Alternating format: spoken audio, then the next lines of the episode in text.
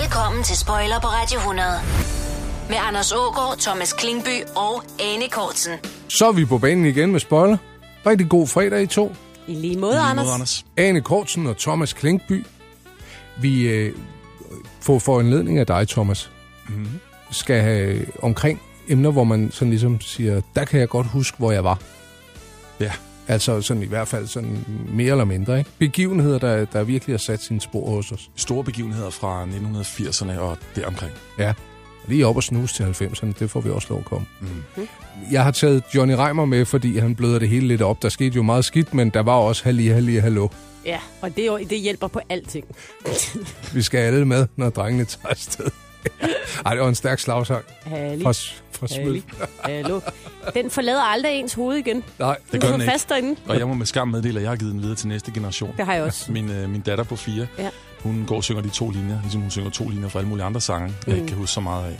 Og hvis du øh, sidder derude og tænker, halli, halli, hallo, den er gået hen over hovedet på mig, så planter vi den i løbet af de næste tre timer. Det vil vi godt love. Mm, så sidder vi nemlig. Så er man advaret.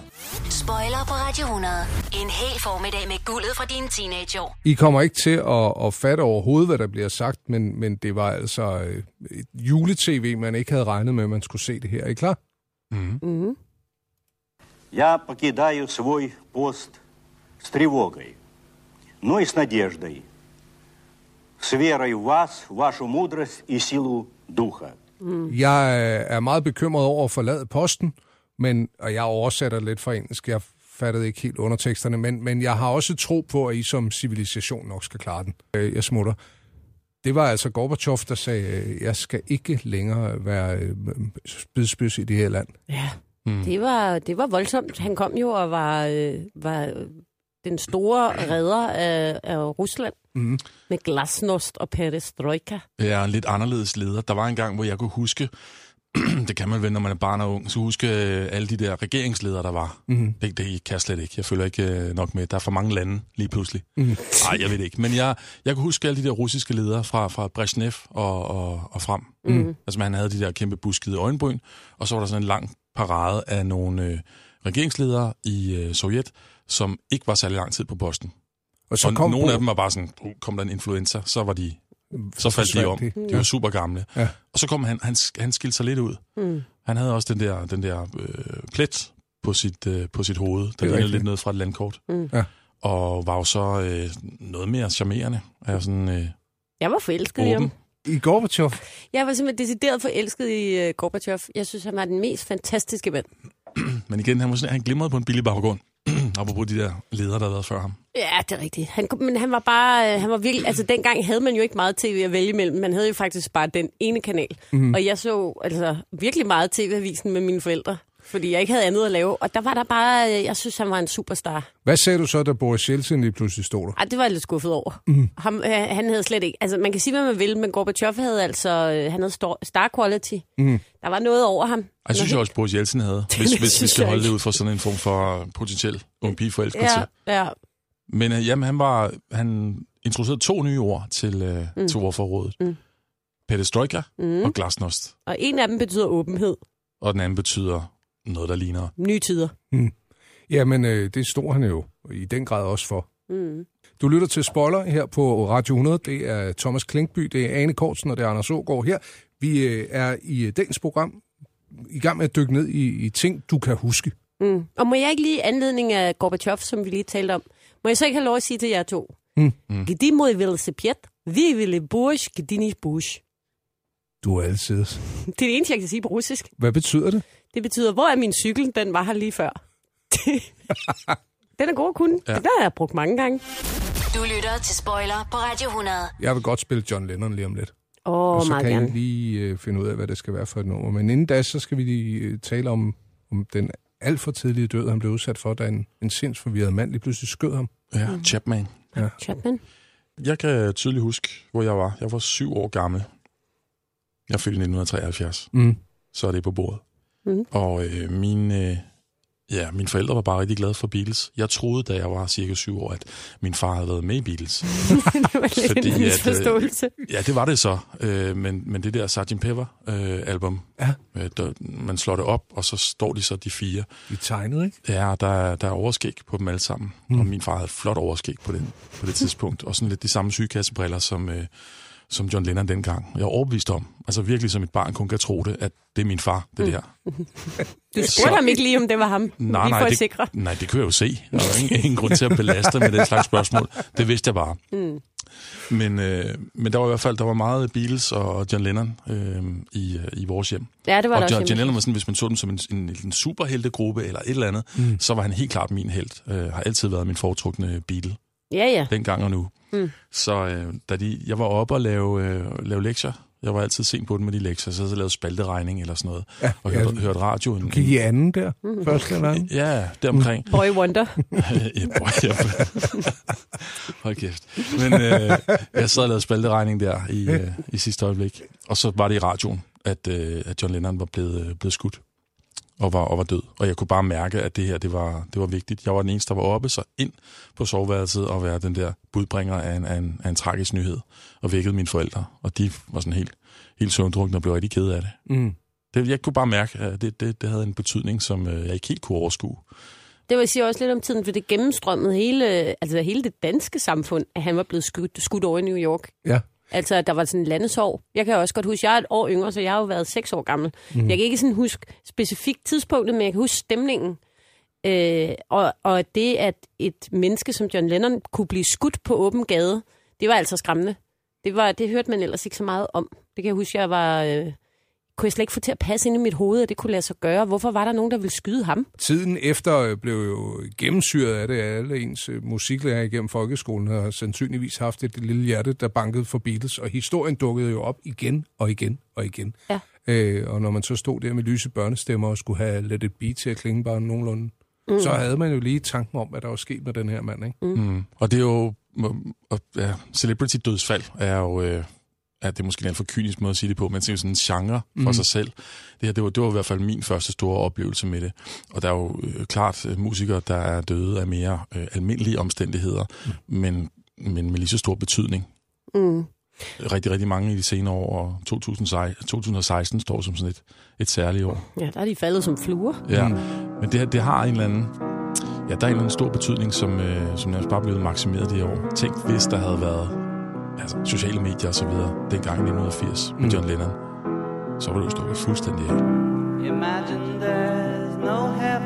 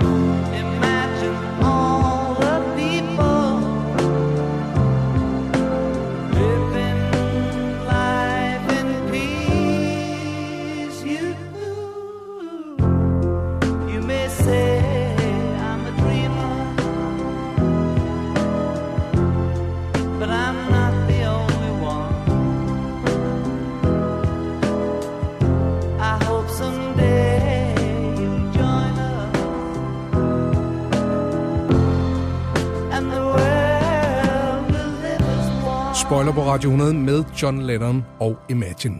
Mark Chapman, der skød ham, øh, sagde jo, inden han skød ham, at han var hans number one fan. Ja. Og det øh, fik Stephen King til at skrive bogen Misery, ah. som handler om en fan, der holder sin øh, forfatter fange, mens hun, øh, mens hun brækker hans ben. Har vi ikke også talt om Misery før? Vi har talt om Mystery Det er før. det med hammeren. Og ja, og her kommer en lille spoiler mere. Den sætning der, det er, det er cirka den sidste, der bliver sagt i filmen. Yes. Og hun bliver ved med at sige, I'm your number one fan. Meget ildevarslende Ja. sætning. Så jeg bliver altid nervøs, hvis der er nogen, der kommer og siger, at de er min største fan. Det kan jeg godt blive en lille smule nervøs for. Watch out. Oh, ja. One more. Hey.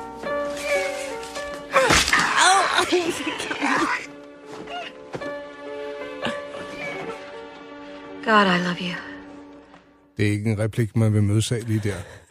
Hvordan er hun så, hvis hun havde andre? Ja, det er en forfærdelig Ah, film. fy for pyfer, ja. Ja. Det var Misery. Fyffer, pyffer. Sidste scene, mere eller mindre, hvor der bliver sagt noget i filmen. Nej, men hun vil jo gerne have, at han skal blive der, Ja. ja. så hun smadrer hans ben, så han ikke kan stikke af. Mm. Nå, jamen han er, altså, spoiler. Det hedder program, så man må godt spoile filmen. Den er alligevel også nogle år gammel. Han kommer jo, han overlever jo, Ja. og får udgivet den her bog. Og så kommer der så en hen øh, til ham, hvor han sidder og skriver, skriver autografer, og siger den samme sætning igen. Mm. I'm your number one fan. Som altså kommer fra Mark Chapman, som man sagde, inden han skød John Lennon. Du lytter til Spoiler på Radio 100.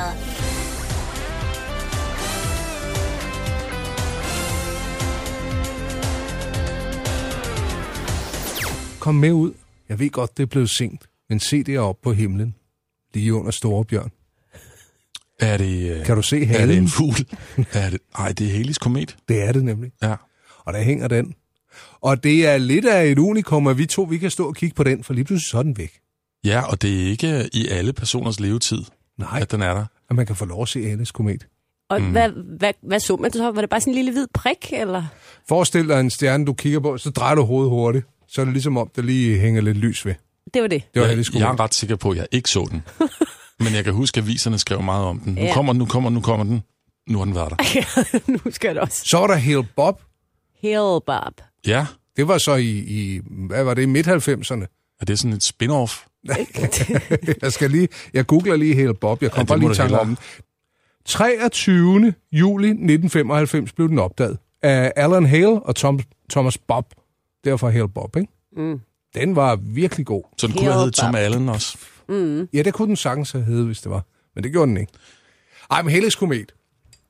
Ja, men det var det, jeg tror pointen var bare, at det var noget, som nogen af os, Ane, gik op i dengang, fordi at, at der var mange mediehistorier omkring det, og vupti, så var det overstået. Mm. Men det der med at gå ud og, og, og kigge op mod himlen, mm. og lave en begivenhed ud af noget, som er så meget større end os, og samtidig også meget mindre, fordi det er så langt væk. Mm.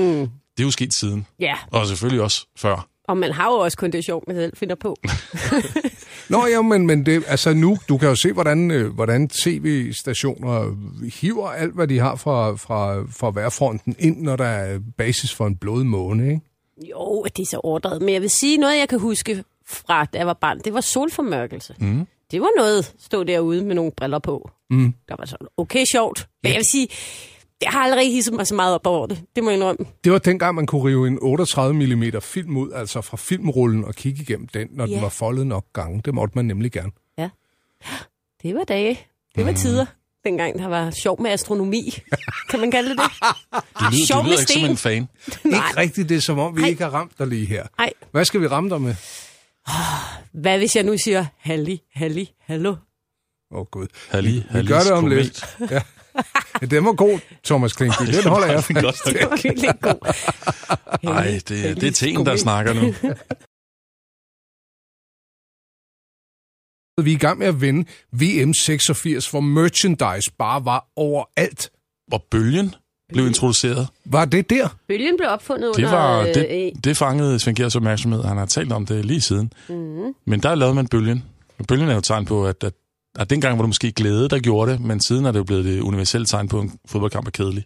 Er der nogen, der ved, hvornår øh, øh, klaphatten blev opfundet? Mhm, det gør jeg. EM i ondt? 84. Det er rigtigt, Thomas Klinkby. Fem point til dig. Tak skal du have.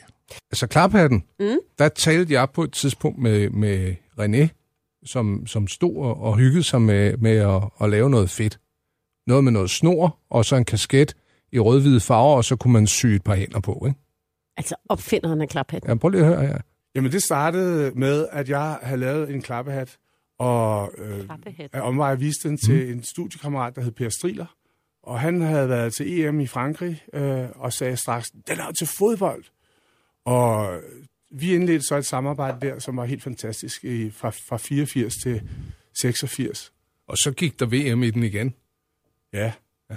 Øh, der, var, der var VM i Mexico, Mhm. og det var stort. Altså, der var virkelig gang i den. René her, han fortalte, at, at det, det startede med, at ham og kæresten hjemme i, i hus, som han var meget hurtig til at købe ung, mm. simpelthen sammen med deres venner sad og samlede de her hatte. Og lige pludselig så gik det så stærkt, at der var nogen, der begyndte at bestille sådan 3-4.000 hatte. Og så stod de og sagde, det kan vi jo ikke lave. Så Nej. blev de nødt til at tage fat på, på fabrikker, der begyndte at lave. dem. Nu har han så smidt agenturet videre til andre, men man, man kan godt få lov. Jeg har rørt ved den første originale klaphat. Hold da op. Er den på museum et sted? Den er hjemme hos ham. Hvordan, hvordan føltes den mod huden, Anders? Som en øh, kasket fra 80'erne. Den krassede lidt. Jeg har aldrig selv, altså jeg, jeg har haft, jeg synes jo det er dejligt, øh, ideen med at, at lave noget, noget festligt, mm. frem for huliganisme, som, som mm. ligesom var ideen med klaphatten, at vi skulle være rolige mm. gans, ikke? Mm. Det blev også nogle gange sådan lidt dumt. Ah, jeg, jeg, jeg synes virkelig, det er indbegrebet af den danske mentalitet, klaphatten. Ja, men det er så en stor pølse, ikke? Jo, den er hyggelig. Ja. Jeg kan tydeligt huske, at jeg fik min første klaphat der under VM i Mexico. Klaphatten er også bedre end klappølsen. Findes der sådan en? Ja, ja, til håndboldkampe, Ja. der er jo nærmest ikke andet. En kla- kla- klappepølser. Så du klapper dem Nå, sådan det er sådan noget foldet papir. Nej, det er bare sådan nogle opuslige dimser.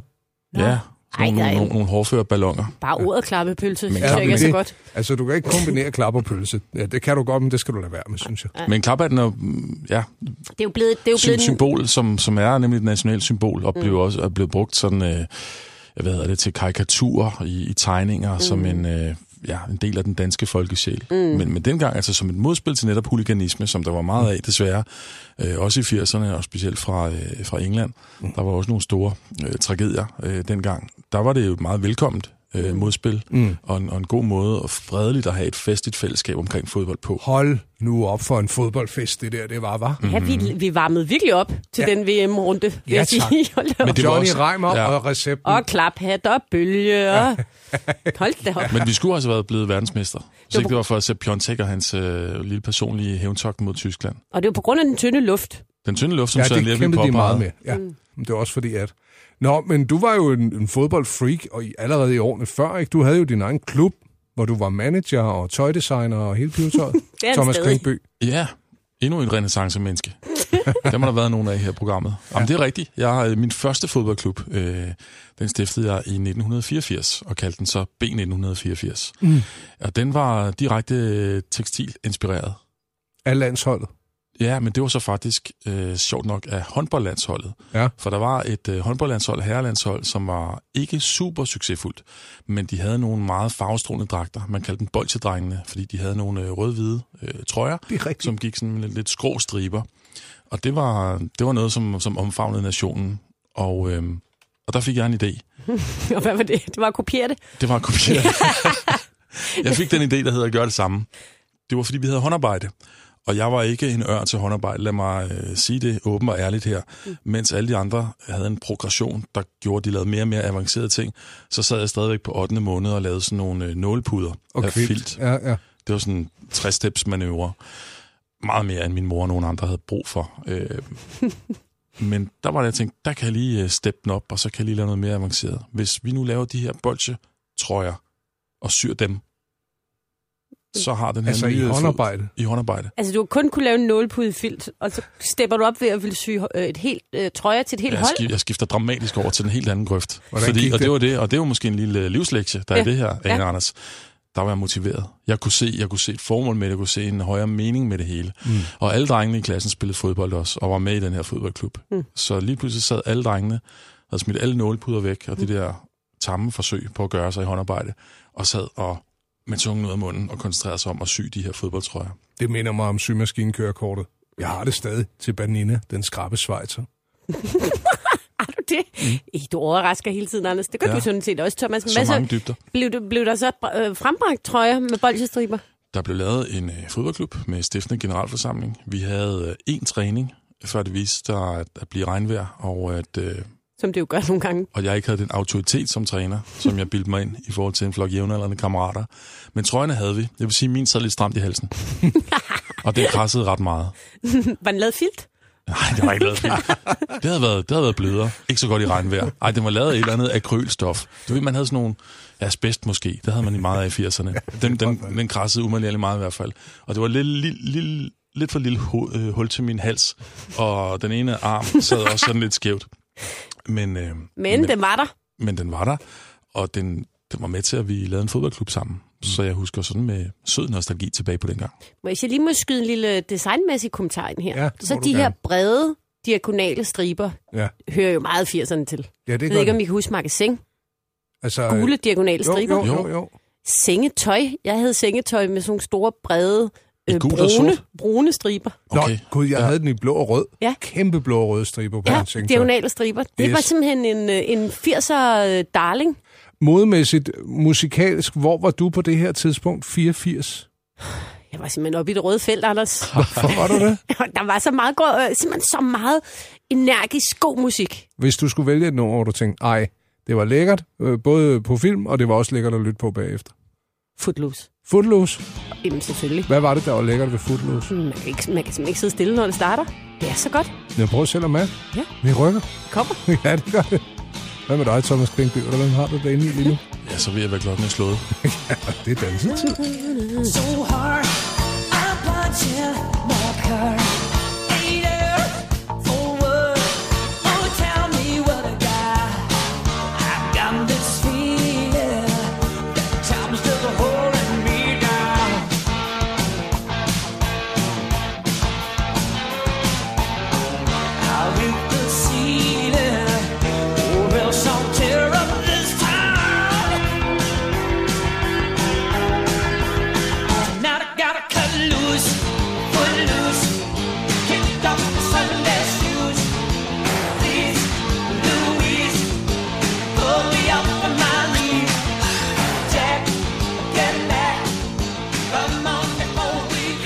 Krøller på Radio 100. Ane Korsen, Thomas Klinkby og Anders Ågaard her.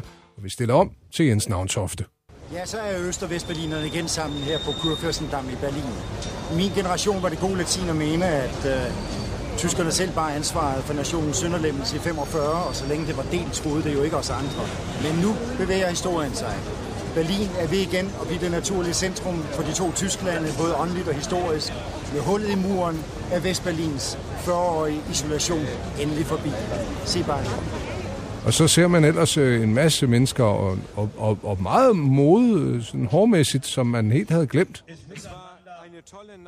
Ja. Ja, og så er der nogle tyskere, der siger, det her, Tolle. det er dagen efter det her, ikke? Det har Jo, været jo. en, en vild nat, og folk har bare været igennem, og folk stod, millioner stod i kø for at komme fra øst til vest, ikke? Det var, det var i november 89. Pink Floyd spillede. Ja. Pink Floyd spillede på muren. David Hasselhoff øh, fik også lige blandet sig i det Gud, hele. den skal vi høre. I've been looking for, For freedom. Hvor Hold da er op, det en- mærkeligt. Det første, de mennesker, de blev udsat for, der har været lukket Nå, inde. men de ville jo selv have det. Det siger jo noget om, hvor, hvor langt væk øst og vest var fra hinanden. I've been looking for freedom. Der kan man snakke om, at karma-nasse der. Så, så stor en begivenhed, og så kommer David Hasselhoff af alle, og lige siger, den hægter jeg mig lige på. Ja, en, Så får jeg lige min klamme single med i hatten. en fuldstændig fantastisk pyfer. vigtig historisk begivenhed, og så kommer der sådan en sekunda Hollywood-skuespiller, som ikke engang er kendt for at synge. Ej. Og det er da det mærkeligste valg i verden. Men det er rigtigt, han har bare været hurtig. One morning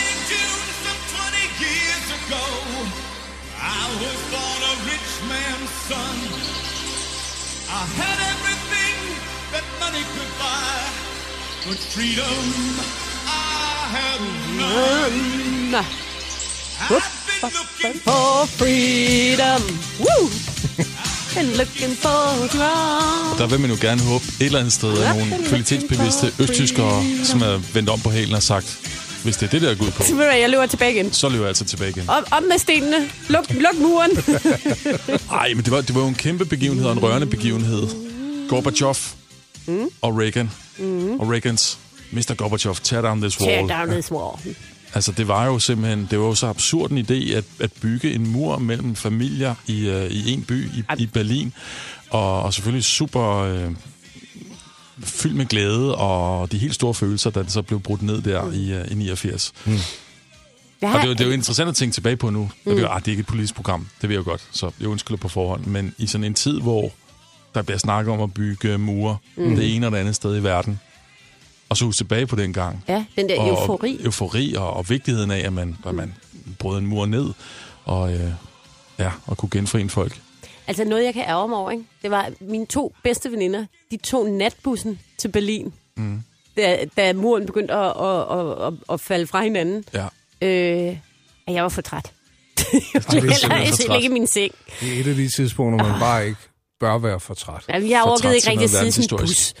Og så tog de ned og så Pink Floyd spille og kom hjem med et stykke af muren hver især. Der, der ærgerede jeg mig faktisk lidt. Ja, det kan du godt Jeg blev overmandet af træthed. Jeg kan virkelig godt lide at sove. Du skal huske at være vågen til kl. 12 nytårsaften, og være der, når muren bliver brudt ned af Pink Floyd spiller. Det er godt råd. Spoiler på Radio 100. Mr. Gorbachev, tear down this wall. En hel formiddag med guldet fra dine teenageår. Alle børnene, ikke?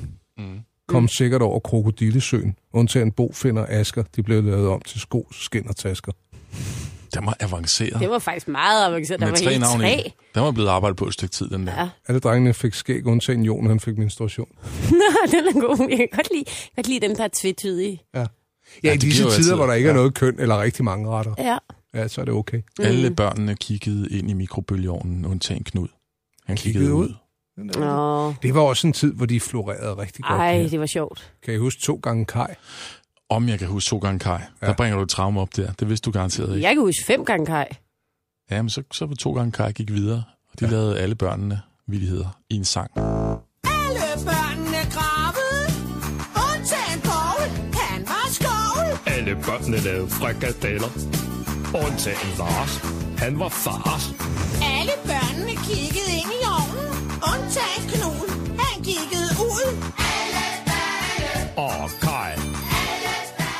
sådan fortsætter den så i... Ja, Hvilket godt. årstal skrev vi her, Anders Ågaard? Oh. Fangede jeg dig lige på det forkerte ben? Ja, 88-89 stykker. 88-89. Nå, men i 88-89, der havde jeg så skaffet mig selv et job øh, som ung skoledreng øh, oppe på den lokale avis Mm-hmm. i Kokkedal Hørsholm. Ja, Mhm. En publikation, der hed Ugebladet. Den findes endnu og er meget læst. Mm. Og jeg var så øh, lavet musikjournalistik.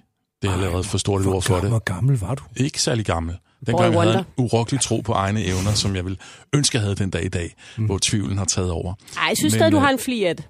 Åh, tak skal du have. men, øh, men jeg var så anmelder, øh, Nå. og anmeldte plader, som jeg fik øh, nede fra den lokale Fona og Zelandia, og så skrev jeg så nogle helt op til fem stjernede anmeldelser. Mm. En af de plader, det var så to gange Kai. Ja. Og jeg gav den ikke nogen stjerner. Du gav en 0. Det var meget hårdt. Jeg gav den en advarselstrekant. Nej, hvor flabet. Fordi jeg i min øh, ungdomlige bonerthed synes, at den var under lavmålet på alle mulige ting.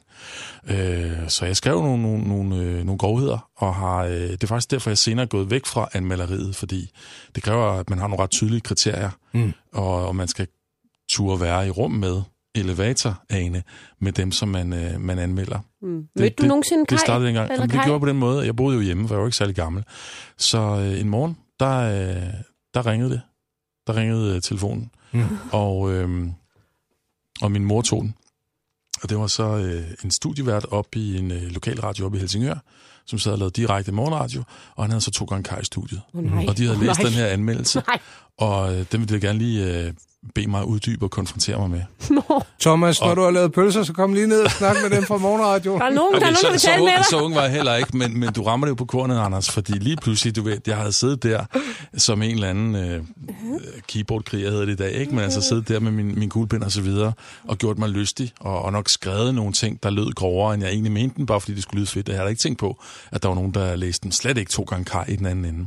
Så de spurgte, om jeg var med i det der, og jeg sådan fik signaleret helt rød i hovedet, helt rødmosset til min mor, at det, det kunne jeg overhovedet ikke. Nej, Øh, så, du tog ikke imod handsken. Nej, det gjorde jeg ikke. Jeg var, jeg var fej, så... Øh, Så sagde din mor, at du var på toilettet.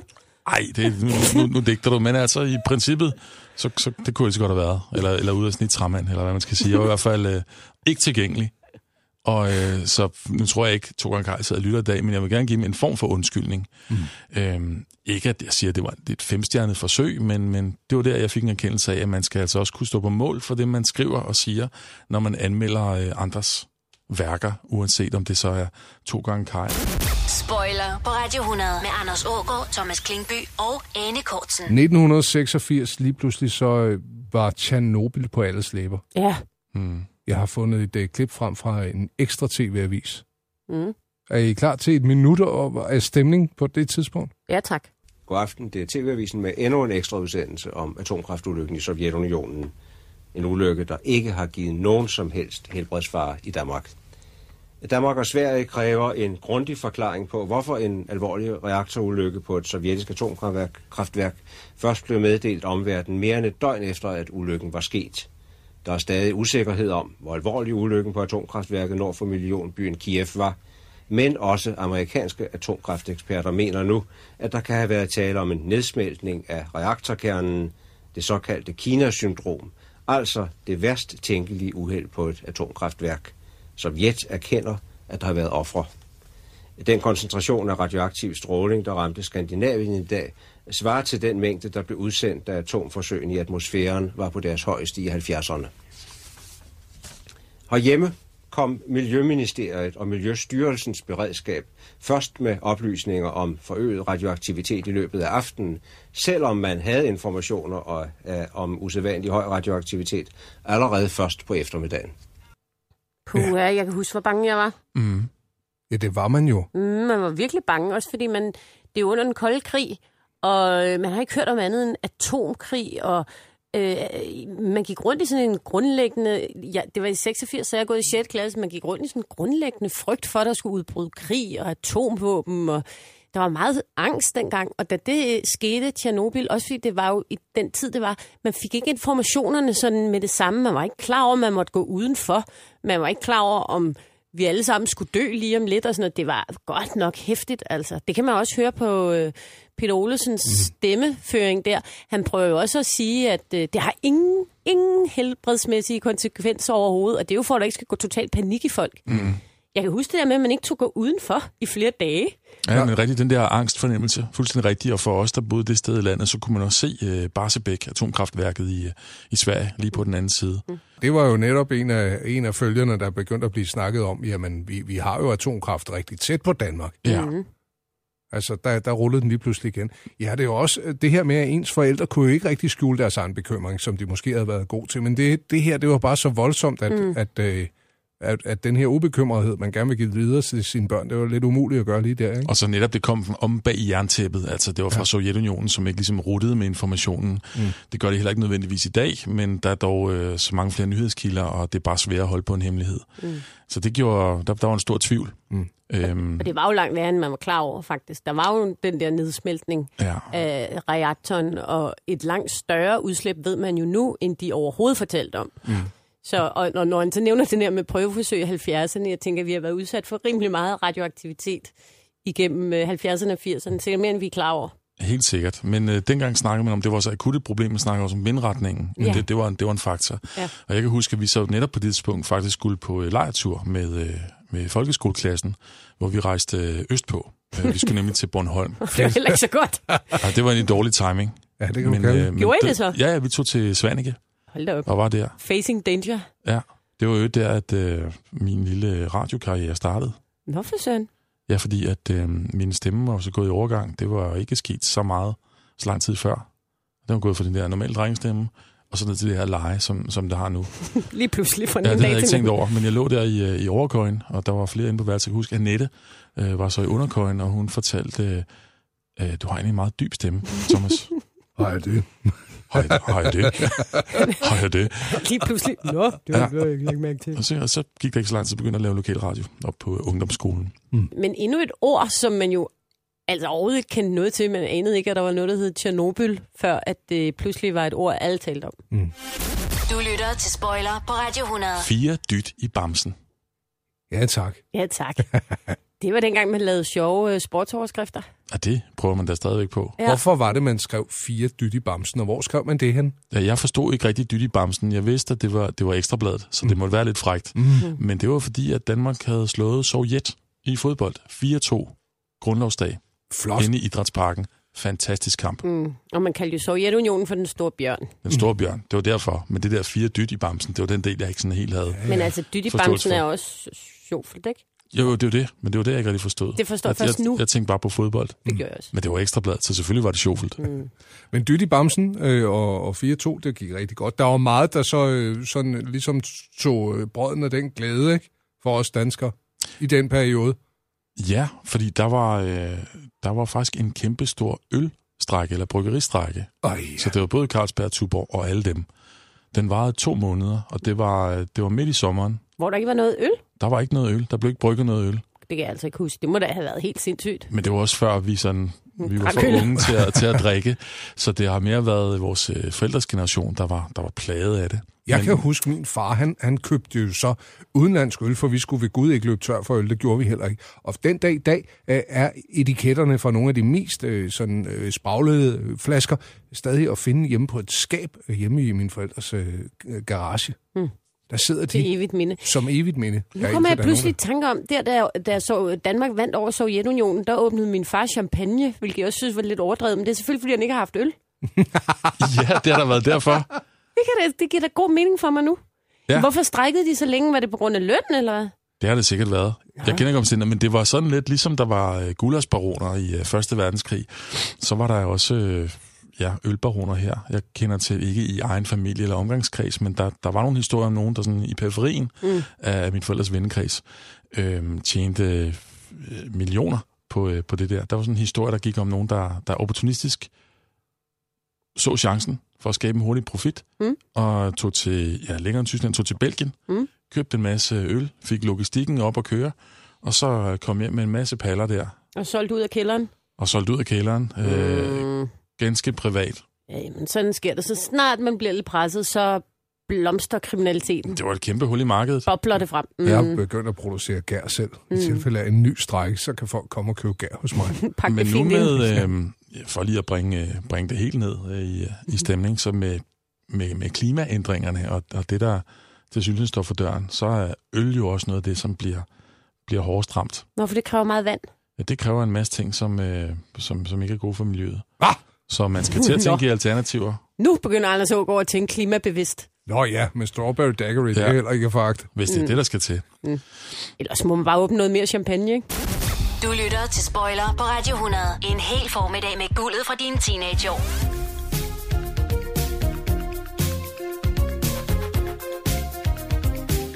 Man kan næsten høre klokkerne. Mm. Altså stadig det. Eller det kan man ikke, men... Vi skal tale bryllup nu. Ja. Hvilket bryllup? Og Princess Di og Charles. Mm. Ja. Der har du været en, en ganske lille pige, Der har været meget lille, der er gået i første klasse. men du var solgt til det bryllup alligevel. Ja, for man så, det var jo den der fairy tale historie. Hun var jo sådan noget børnehavelærerinde, Mm-hmm. øh, og, og blev så prinsesse, og blev gift i en, altså vil sige, en dog meget stor brudekjole. Altså en gigantisk makron af en brudekjole med verdens længste slør. Ja, det skal man have, når man Mm. øh, Og så bliver havde hun prinsesse. noget andet, som jeg var identificeret mig meget stærkt med. Hendes hår? Hun havde kort hår. Ja. Yes, godt gættet, Anders. ja. Så det var altid selvfølgelig en særlig forbindelse til øh, prinsesse Diana, fordi hun var ikke den der klassiske øh, prinsesse med langt hår. Hun var sådan smart, korthåret smart. Mm. Fiksprinsesse, ligesom du selv var på vej til at blive. En lille fiksprinsesse. Og det var først senere, det viste sig at være det største proforma-ægteskab ever. Mm. Jeg vil også sige, det, det, ødelagde, det slog lidt skår i glæden, at prins Charles var så ualmindelig grim. Det synes jeg ikke gjorde det bedre. Ja, det, at ignorere lidt. der skal to til sådan et eventyrbryllup. Ja. Hvorfor var det et proforma-ægteskab, Thomas? Ja, fordi at øh, der var jo ikke... Altså, Han havde, han, havde jo Camilla han Parker havde jo, Bowles, øh, han havde hende, som han senere blev gift med. Mm. Rottweileren. Han var jo slet han ikke det? til hende på noget tidspunkt. Hun var måske sådan lidt forelsket i prinsessedrømmen, og, mm. og så vidt jeg ved, gav det en chance. Jeg skulle ikke ligesom, om jeg er insider i det engelske Nej, nej. kongehus, men ud fra alt det, der er blevet skrevet, og der har vi gud skrevet meget om det, Mm. så, så var hun øh, mere interesseret i at få det til at fungere. Hun var Øh, så ung og bly. Så det blev, hvis vi skal blive eventyrene, så blev det til sådan en, ja, hvad, hvad er et eventyr, der ender rigtig dårligt? De levede ikke lykkeligt Nej. til deres dages ende. Nej. Og det hele sluttede ved en anden begivenhed, som, som jeg øh, ved Gud også kan huske nu, i, i slutningen af august måned 1997, hvor, hvor vi så får at vide, øh, øh, at Ja. ja. prinsesse Diana bliver kørt på hospitalet. Jeg lå og hørte øh, BBC Radio, og lige pludselig så afbryder de bare og begynder at spille sørgemusik. Og først efter et par minutter fortæller de, hvorfor de gør det. Mm. Og så tænkte jeg bare, det var lige godt. Ja, det kan jeg også huske. Jeg arbejdede på Café Pavillon i Fældeparken, øh, og skulle møde ind og gøre hele den der bar klar, Mm. og gik og hørte radio. Og så meddelte de også, at hun var død. Det var helt, helt mærkeligt. Mm. Mm. Og jeg blev lidt ligesom, da Michael Jackson døde. Sådan, det er en af de der mennesker, hvor man tænker, nej, what? Det skal du ikke nu. Nej, Det er, slet, det er hun, helt havde jo, hun var jo kommet ud af hele det der skøre engelske kongefamilie ja. noget, ikke? Ja, vi havde forstået, at det ikke var glansbilleder det hele, mm. men, men derfra så til den tragiske udgang, der var alligevel et stykke. Derfra så blev det et virkelig, virkelig udskilt ord at være paparazzi-fotograf. Ja. Jeg kan huske alle de der temaudsendelser og debatter om det, og mm. øh, det var de der sædvanlige tre måneder, og så gik ting i sig selv igen. Mm. Nej, jeg synes ikke helt, de, jeg synes aldrig rigtigt, de er kommet så helt paparazzierne. Det, det blev virkelig uleset efter det. Nå, ja, jo jo, de har da et super dårligt ry og rygte, Mm. men de laver da præcis de samme ting stadigvæk. Ja, men jeg tror, der kom flere regler, ikke? De må blandt andet ikke forfølge, forfølge deres ofre. Det lyder umiddelbart som en god regel. Ja, Sådan. Øh, og jeg tror også, der var mange kendte, der begyndte at slå tilbage efter det der. Ja, det så, så har paparazzi også en god historie der. Lille Bavn blandt andet. Det er Hun rigtigt. fik taget billeder af sine bare bryster. Det ville du fandme ikke finde sig i. Nej. Kan man et eller andet sted godt forstå. Det kan man da godt forstå. Der er aldrig nogen, der gider at tage billeder af mine bare bryster. Det er for dårligt, Anders Ågaard. Ja, de er for dårlige. Nå, det kan være. Spoiler på Radio 100 med Anders Ågaard, Thomas Klingby og Anne Kortsen. Farvel. Farvel, Thomas. Farvel, Anders. Farvel. Farvel, Ane. Farvel. Ja, så lærte vi, at du øh, begyndte at, at få en mandestemme, lige da Tjernobyl havde haft sin nedsmeltning. fordi der var en pige, der hedder Annette i køjen nede under dig på en lejerskole, sagde, Gud, hvor har du en mørk stemme, Thomas. Mm-hmm. Og den kan man nyde øh, godt af igen på fredag, hvor vi endnu en gang er tilbage med spoiler. Det er nemlig rigtigt. Vi høres ved næste fredag i Spoiler.